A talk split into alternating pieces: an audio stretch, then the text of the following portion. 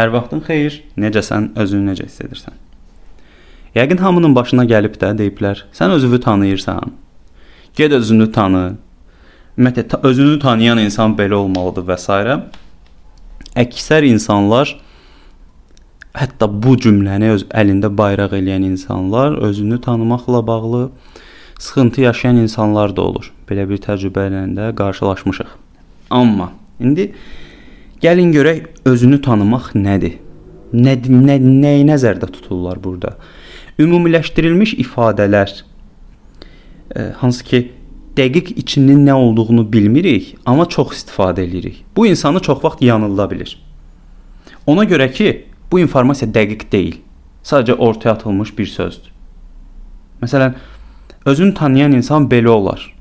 OK, sən kimi nəzərdə tutursan? O öz beynində tutduğu özünü tanıyan bir insan obrazını deyir. Sən kimi deyirsən? Bir növ bilirsən nəyə oxşuyur? Bir var deyirəm ki, insanlar çox geridə qalmışdılar. Burada hamı söyəcək. Bir də var deyirəm, bizim bəzi insanlar çox geridə qalmışdı. Burada isə hamı fikrini bildirəcək. Bəzi insanlara, hamının beynində bir bəzi insanlar var. Ona uyğun fikir bildirəcək. Yəni söyülməklə rəy yazdırmaq arasında Bir dənə söz, bəzi sözü kifayət etdi ki, insanın davranışı dəyişsin. Bu qədər sadə canlılarıq, amma həm də mürəkkəbik. Məsələ yəni budur. Bax özünü tanımaq məsələsi də belə ümumi olduğuna görə tam olaraq bunun nə olduğunu bu şeyin riyaziyyat deyil də, mütləq deyil ki, biləsən. Ona görə bu şeyin izahını öz beynində verməlisən. Mənim üçün özünü tanımaq nədir? İnsan özünün mənfi, müsbət xarakterlərini, davranışlarını bilən və potensialını müəyyən edən, onun nə olduğunu bilən və bunların üzərində çalışan insana insan özünü tanıyan insandır. Yəni söhbət burada gedir. Mənim mənfi tərəflərim nələrdir, müsbət tərəflərim nələrdir və potensialım nədir? Çünki sən bunları bildiyin halda sən özünü necə inkişaf etdirməli olduğunu da bilirsən. Bir növ maşın sürməyə bənzəyir də bu. Yolla gedirsən, yolu bilmirsənsə sağa sola baxacaqsan və yaxud xəritəyə baxacaqsan. İstənilən halda diqqətin ə, yolu bildiyin yolda sürdüyün kimi olmayacaq. Sağa sola yönələcək. Məsələ budur. Zəif tərəflərin nədir, güclü tərəflərin nədir və potensialın nədir? Bax bunları müəyyənləşdirmək. Potensial dediyim şey də Yəni səni güclü eləyə biləcək və zəif tərəflərin üzərindən xətt çəkəcək bir bacarıqlar, bir fəaliyyət və s. və s. şeylər nəzərdə tutulur. Zəif tərəflərini bilən insanlar ə, və zəif tərəflərini düzəldə bilməyən insanlar kompleksə düşürlər tez-tez. Məsələn, bilirsən ki, zəif tərəfin budur və sən onu necə düzəldəcəyini bilmirsən, ya da məlumatın var, amma tam olaraq necə eləyəcəyini bilmirsən və bunlar səndə kompleks yaradır. Zəif tərəflərini kənar bir şeylərlə ört-basdır etməyə çalışırsan və özünü güclü göstərməyə çalışırsan, amma uğurlu olmur. Nəticə etibarilə potensialından da xəbərin olmur. Mənim bir sözüm var, həmişə deyirəm, e, özündə var olan bir balaca bir xüsusiyyəti təkmilləşdir, amma başqasında olan nələrisə özünü yapışdırmağa çalışma. Çox bərbad bir şeydir. Bunun burnu belədir, burnumu əməliyyat eləyim. Bunun qaşı belədir, belə eləyim. Bunun danışığı belədir, belə eləyim. Bunun həyat tərzi belədir, belə eləyim. Tamam, kənarda olan insanların davranışları bizə nümunələr verə bilər. Amma bu məni özümü tanımaqdan çıxarmamalıdır. Mən kiməsə oxşamalı deyiləm.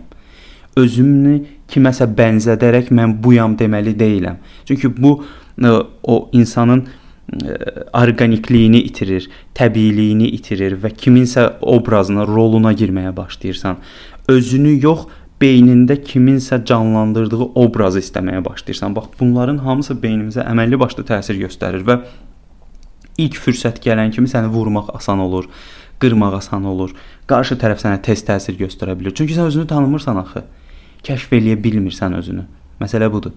Məsələn, mənim dostum dağa çıxmaq, yürüyüş eləmək, hiking, climbing, dırmaşmaq sevmir. Amma mən çox sevirəm. Zövq alıram. O çətinliyə düşürsən, yıxılırsan, bədənin əzilir, qolun, başın, gözün əzilir. Mən bunu çox sevirəm. Amma o sevmir. Onun sevdiyi nədir? O otursun bir qəşəng bağça, bir ağac çox olan yerdə çay içsin.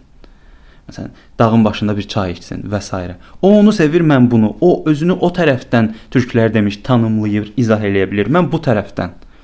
O çay içməyi çox xoşlayır, mən kofe içməyi xoşlayıram. Yəni budur. Prinsiplərin özünü tanıyan insan avtomatik prinsiplər yaradır və bu prinsiplər kimisə əzmə üzərində qurulmur ha. Bilirsən sənin müsbət, mənfi tərəflərin nədir? Nəyi necə, harda idarə edə biləcəksən? Məsələ budur. Bax bunlara diqqət etdiyim zaman nəticə daha effektiv olur. Travma ilə bağlı bir podkastım var idi. Səhv eləmirəmsə orada demişdim ki, ya travmalarınla inkişaf edirsən, ya da travmalarını inkişaf etdirirsən.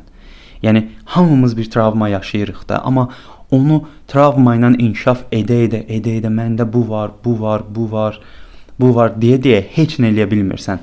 Travmalarını inkişaf etdirirsən, amma travmaların ola-ola onları həll edə-edə həm də inkişaf eləyərək daha yaxşı özünü tanıya bilirsən və daha effektiv bir hala gəlirsən. Yəni əlində olan bütün alətlərin fərqində olduğun zaman onu necə, harda, hansı formada istifadə edəcəyini çox gözəl bilirsən və bu da sənə hər şeyi rahatlıqla idarə etməyə imkan verir. Məsələ budur. Belə düşünürəm nəsə deyə bildim. Fikirlərin, əlavələrin, tənqidin də ola bilər. Olarsa sosial mediadan mənə yazmağı unutma. Növbəti podkastda görüşərik. Özünə yaxşı bax.